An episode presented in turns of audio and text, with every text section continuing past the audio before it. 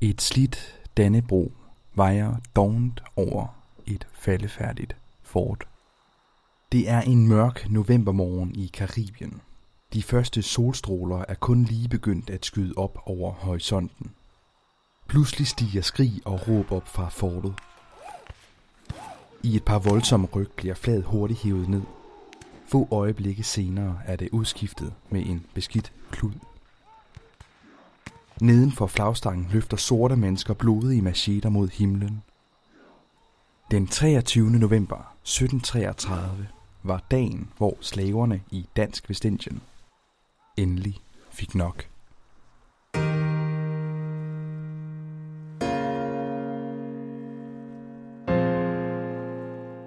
Mit navn det er Oscar Bundgaard, og du lytter til historier fra historien. Et podcast om alle de virkelige og voldsomme fortællinger fra vores fælles fortid, som du måske ikke er blevet fortalt endnu. I dag der skal det handle om en gruppe af dansk ejede slaver, der i efteråret 1733 rejste sig på den lille karibiske ø St. Jan for at kæmpe imod undertrykkelse, og måske også i forsøget på at skabe en afrikansk slavestat. Lyt med, og husk for guds skyld at høre efter. For dem, der glemmer historien, de er dømt til at gentage den. Det hele det starter med en dansk drøm om sukker. Søde krystaller. Hvidt guld. I midten af 1600-tallet, der er sukker først lige blevet en del af det europæiske køkken. Men da kontinentet det får smag for det, ja, så vil det have mere og mere. Sukkerpriserne skyder i vejret, og enhver kan se, at det her det er en potentiel guldmine. Og naturligvis så vil danskerne producere det selv. På det her tidspunkt der kommer stort set alt sukker fra sukkerrør.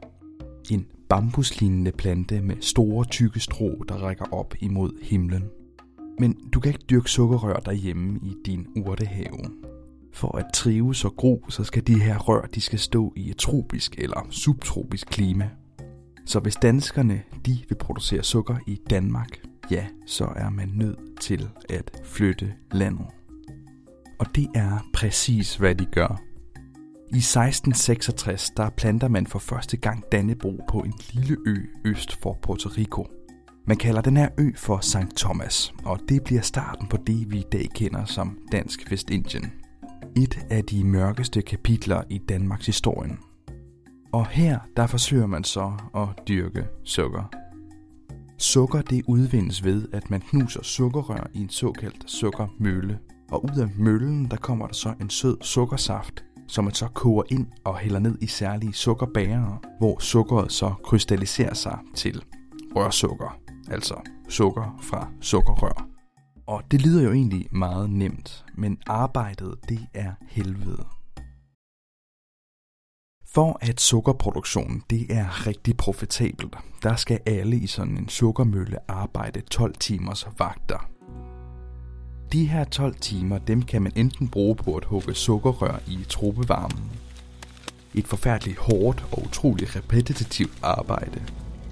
Ellers der kan du arbejde med sukkermøllen. Her skal du altså manuelt stå og putte rør ind i det her apparat. Og hvis bare du får en lille finger i klemmen, ja, så bliver hele armen suget ind. Alternativt, ja, så kan du arbejde med den her kogende sukkersaft. Det er det sværeste og vigtigste job. Det er her, hvor man let kan ødelægge en hel dags arbejde.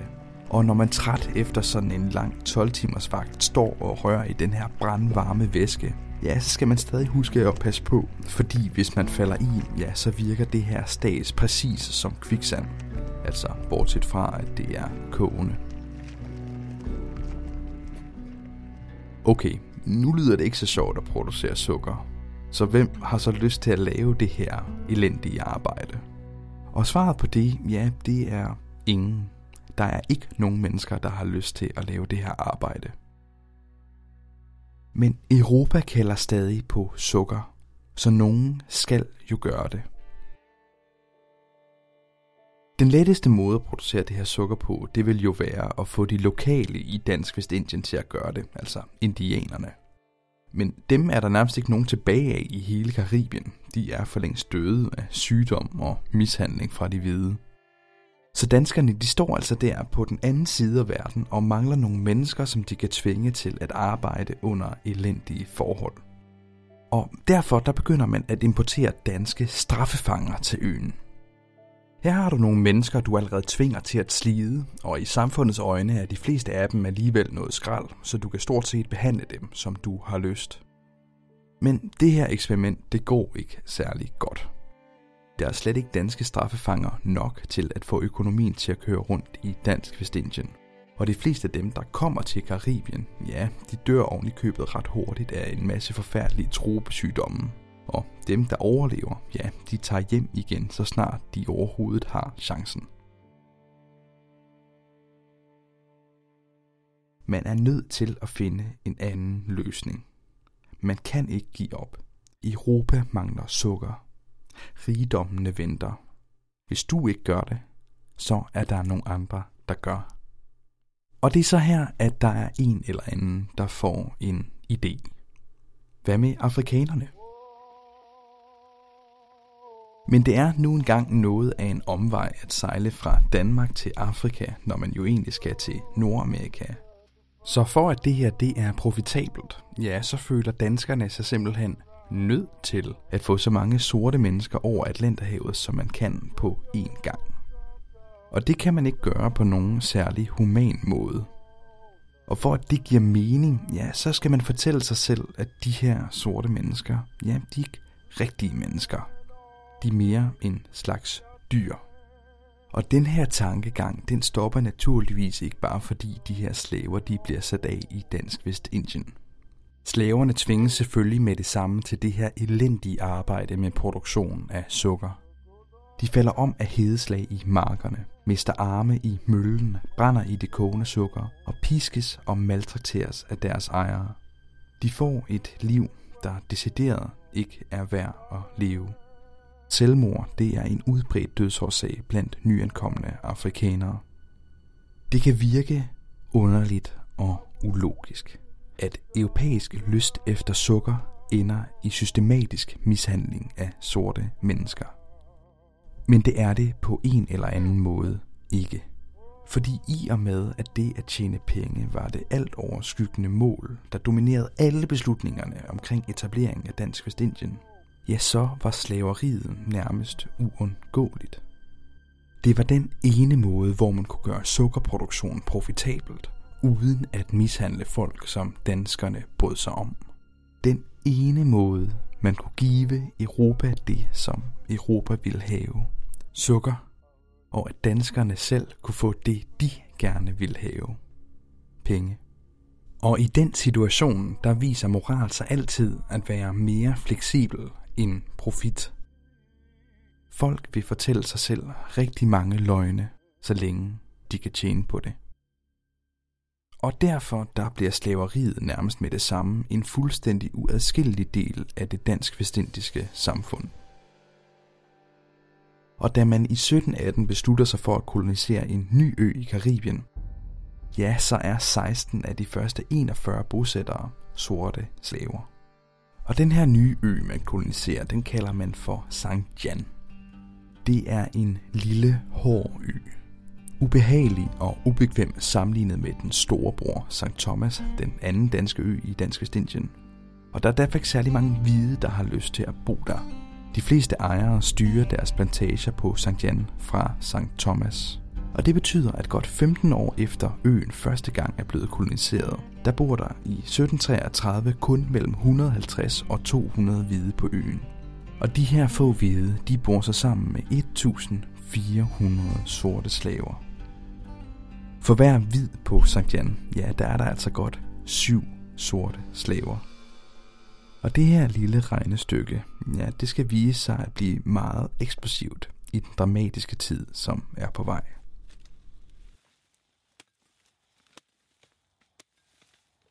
Vi starter på den østlige side af St. Jan. Den her del af øen den er domineret af en stor naturhavn, som man kalder for Koralbugten.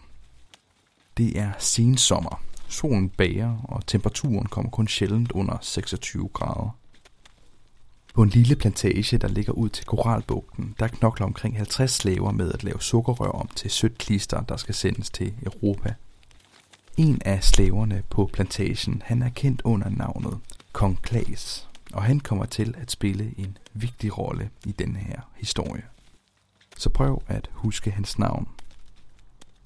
Kong Klaas. Han er født i Afrika, og oprindeligt ja, der er nok heddet noget helt andet. Men da han ankom til Dansk Vestindien, og han blev købt af en hvid plantageejer, ja, der synes den her ejer altså, at navnet Kong Klaas passede meget bedre til den nyindkøbte, end hvad end han havde heddet i forvejen. I 1733, der har Kong Klaas levet i Dansk Vestindien i et stykke tid. Lang nok tid til at kravle op af rangstigen og blive udnævnt til Bomba. Og en bomba, det er en slags overslave, der bestemmer over de almindelige markslaver. Han sørger for, at alle laver deres arbejde, og hvis de ikke gør det, ja, så giver han dem nogle tæsk. Over bombaen i hierarkiet på en plantage, der er der så typisk et par hvide mesterknægte. Det er dem, der står for produktionen på plantagen fra dag til dag. Over dem, der er der så ejeren, og over ejeren, der er der kun Christian den 6. og Gud i himlen. Konklas er derfor stadig ret lavt nede i hierarkiet, men han har altså stadig til job at straffe og råbe af de andre slaver, hvis de ikke arbejder hårdt nok. Man skulle tro, at det gør, at man bliver set som en forræder. Men det gør han ikke, fordi meget naturligt så bliver de her bombager også set som lederne i slavesamfundet. Og Glas han har sandsynligvis været en stor og stærk mand. En respekteret herre med autoritet. Når han taler, så tiger de andre stille. Og i efteråret 1733, der er Klaas begyndt at tale om, hvor hårdt og uretfærdigt livet som slave i Dansk Vestindien er.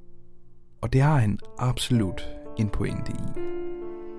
Fordi oven i den her kummerlige hverdag med torturlignende arbejdsforhold og daglig nedgørelse, der har slavernes levestandard taget endnu et voldsomt dyk. En parade af naturkatastrofer har løbende straffet de her to danske øer i Karibien igennem hele foråret og sommeren. Og som altid, der er det de sorte, det går allerhårdest ud over. Det hele det bliver sparket i gang af en tørke i foråret. Man skal huske på, at der ikke er en dråbe grundvand på nogle af de her to dansk-vestindiske øer. Så alt hvad Klaas og øens andre beboere kan gøre, er til til som afgrøderne. Især majsen, der udgør størstedelen af slavernes kost, den bare visner og dør på markerne. I juli, altså kun et par måneder efter den her tørke, der bliver øerne så ramt af en mægtig orkan. I dag vil sådan en naturkatastrofe blive efterfulgt af nødhjælp og læger uden grænser i Røde Kors Jeeps. Men i 1733, der er det eneste, der følger efter den her orkan til øen, en meget stor og meget sulten her af insekter. Det hele det afsluttes så med endnu en orkan i oktober, der så blæser det sidste af slavernes majs af markerne. Og de her katastrofer, de rammer naturligvis også Dansk Vestindiens hvide. Mange er nødt til at tage lån, sælge inventar eller slet og ret tage hjem til Europa. Men det kan slaverne ikke. De ejer ikke noget, og er ikke frie til at rejse hvorhen de har lyst. De kan kun gøre, hvad de altid har gjort, og så bare håbe på, at det bliver bedre. Men i efteråret 1733, der er det ikke blevet bedre. Tværtimod. Livet på plantagerne er nu blevet så hårdt, at flere og flere af de sorte vælger at forlade dem uden lov. Det kaldes at løbe maron. Slaverne løber simpelthen væk og prøver lykken med at overleve i det tætte buskads på St. Jan. Og en af de slaver, der føler sig nødsaget til at gøre det, det er Kong Klaas. Han har nok gravet uklar med nogle af øens hvide, og pludselig så går der rygter blandt slaverne om, at kong Klaas han skal sejles til St. Thomas for at få hugget sit ben af som straf. Men før de hvide kan få fat i ham, ja, så løber han altså ud i busken. Og her er han ikke alene. Fordi på den her lille ø, St. Jan, der er på størrelse med Fanø, der findes der et maronsamfund på over 100 bortløbende slaver. Og ikke så lang tid efter, at kong Klaas han slutter sig til dem, der begynder de at lægge planer om at vende tilbage. Men det har de hvide absolut ingen idé om. 3 km vest for St. Jan, altså lige ved siden af, der ligger den anden ø i Dansk Vestindien, St. Thomas. Og det er altså her, at de vigtigste mennesker, de bor. Og den måske allervigtigste mand, ja, det er guvernøren. Og i 1733, der er hans navn Philip Gardelin. I dag vil vi nok kalde Gardelin en kynisk pragmatiker med et specielt forhold til Dansk Vestindiens slaver. I tiden op til 1733, der har Gretelin nemlig en klar tendens til at foreslå en for tiden ret blød linje over for Dansk Vestindiens slaver. Har en slave på den måde gjort noget, som gjorde, at ejeren syntes, at slaven skulle dø, ja, der påpegede Gretelin typisk, at man da nok kunne nøjes med at lemlæste slaven. Kom ejeren til gengæld og bad om en lemlæstelse, ja, så påpegede Gardelin, at 100 piskeslag da nok kunne gøre det, og så videre. Gardelin prøver altså altid at gøre straffene lidt mildere, end hvad ejeren synes er nødvendigt. Men det er ret vigtigt ikke at tolke det her som om, at Gardelin på nogen måde er en humanitær figur i den her fortælling. Tværtimod.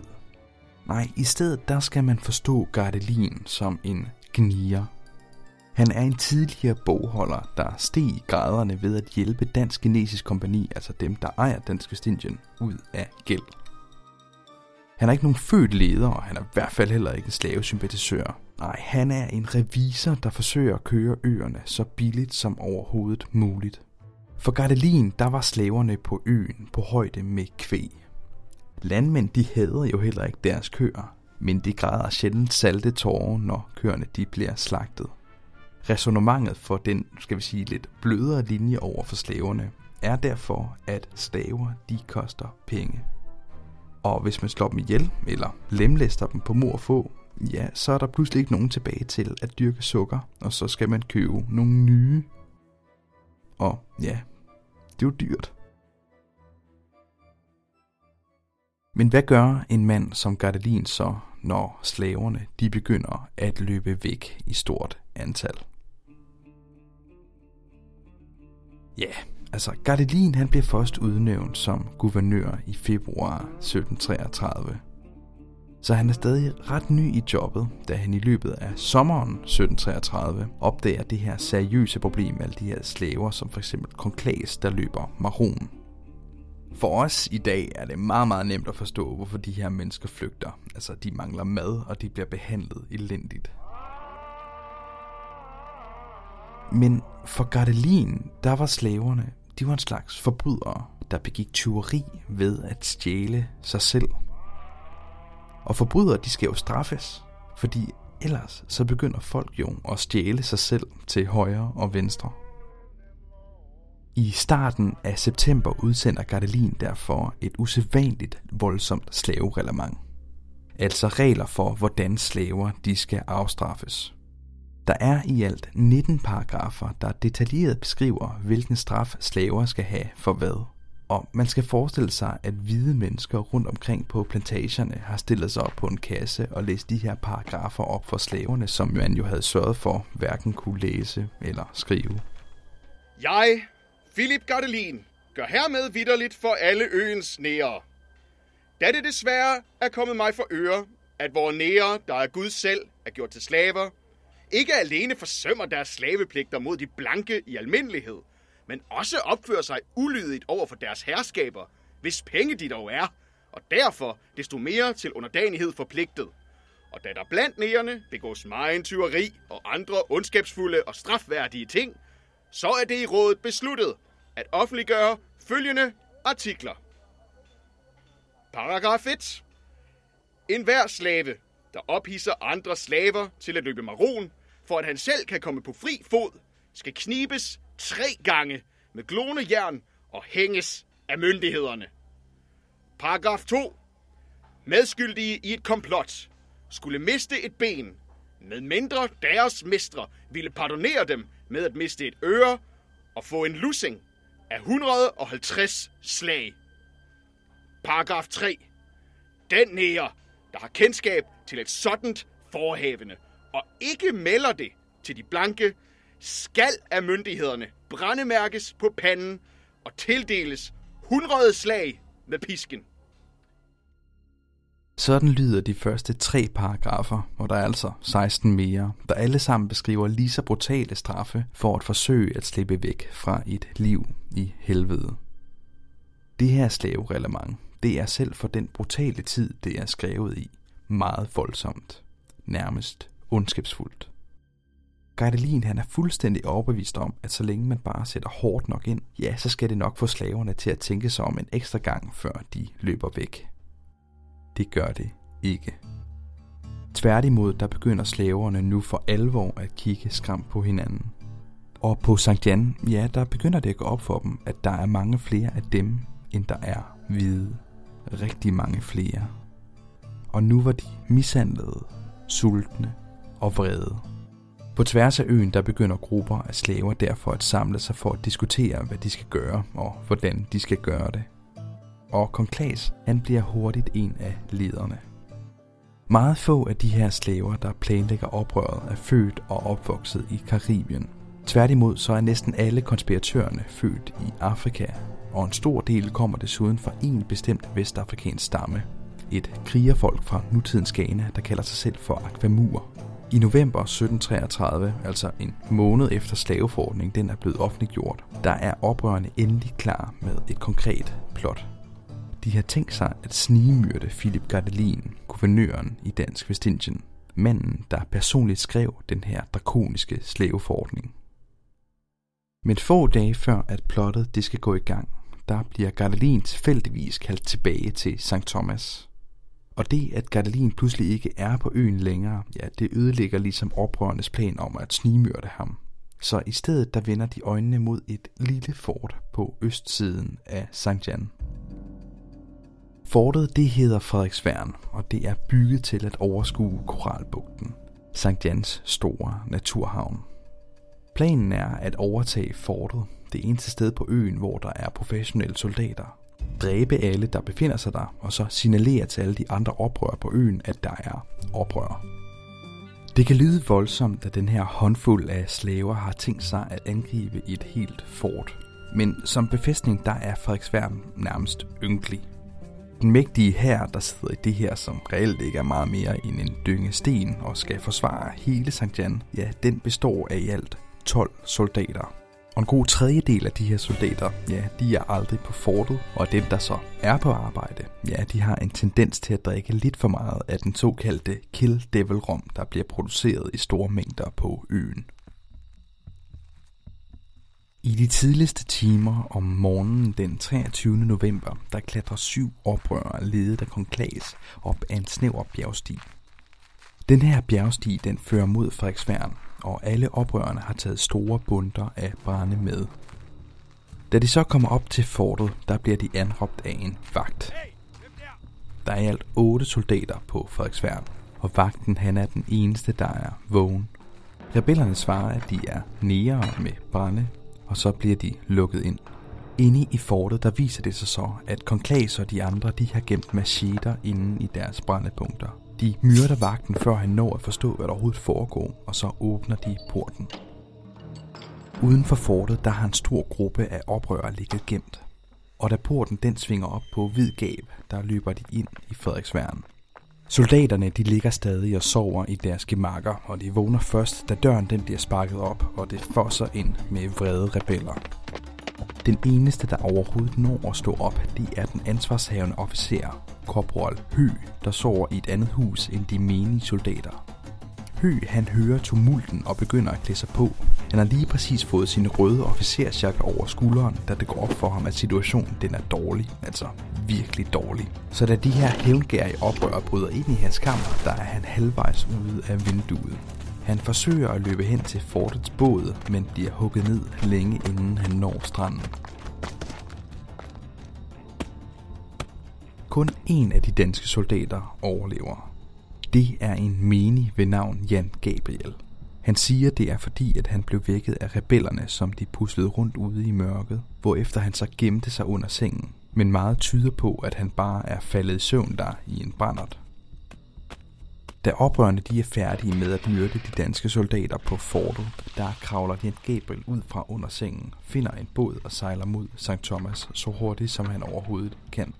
tilbage på fortet, der er oprørende ekstatiske. De har taget et dansk fort kun bevæbnet med brændebunder og macheter.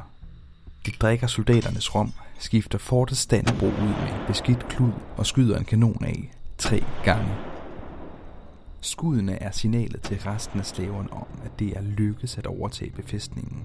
Og kort efter, der kan Konklas fra fortet, der ligger på toppen af en bakke, se hvordan plantage efter plantage på østsiden står op i flammer. Revolutionen er i gang. Sankt Jan brænder.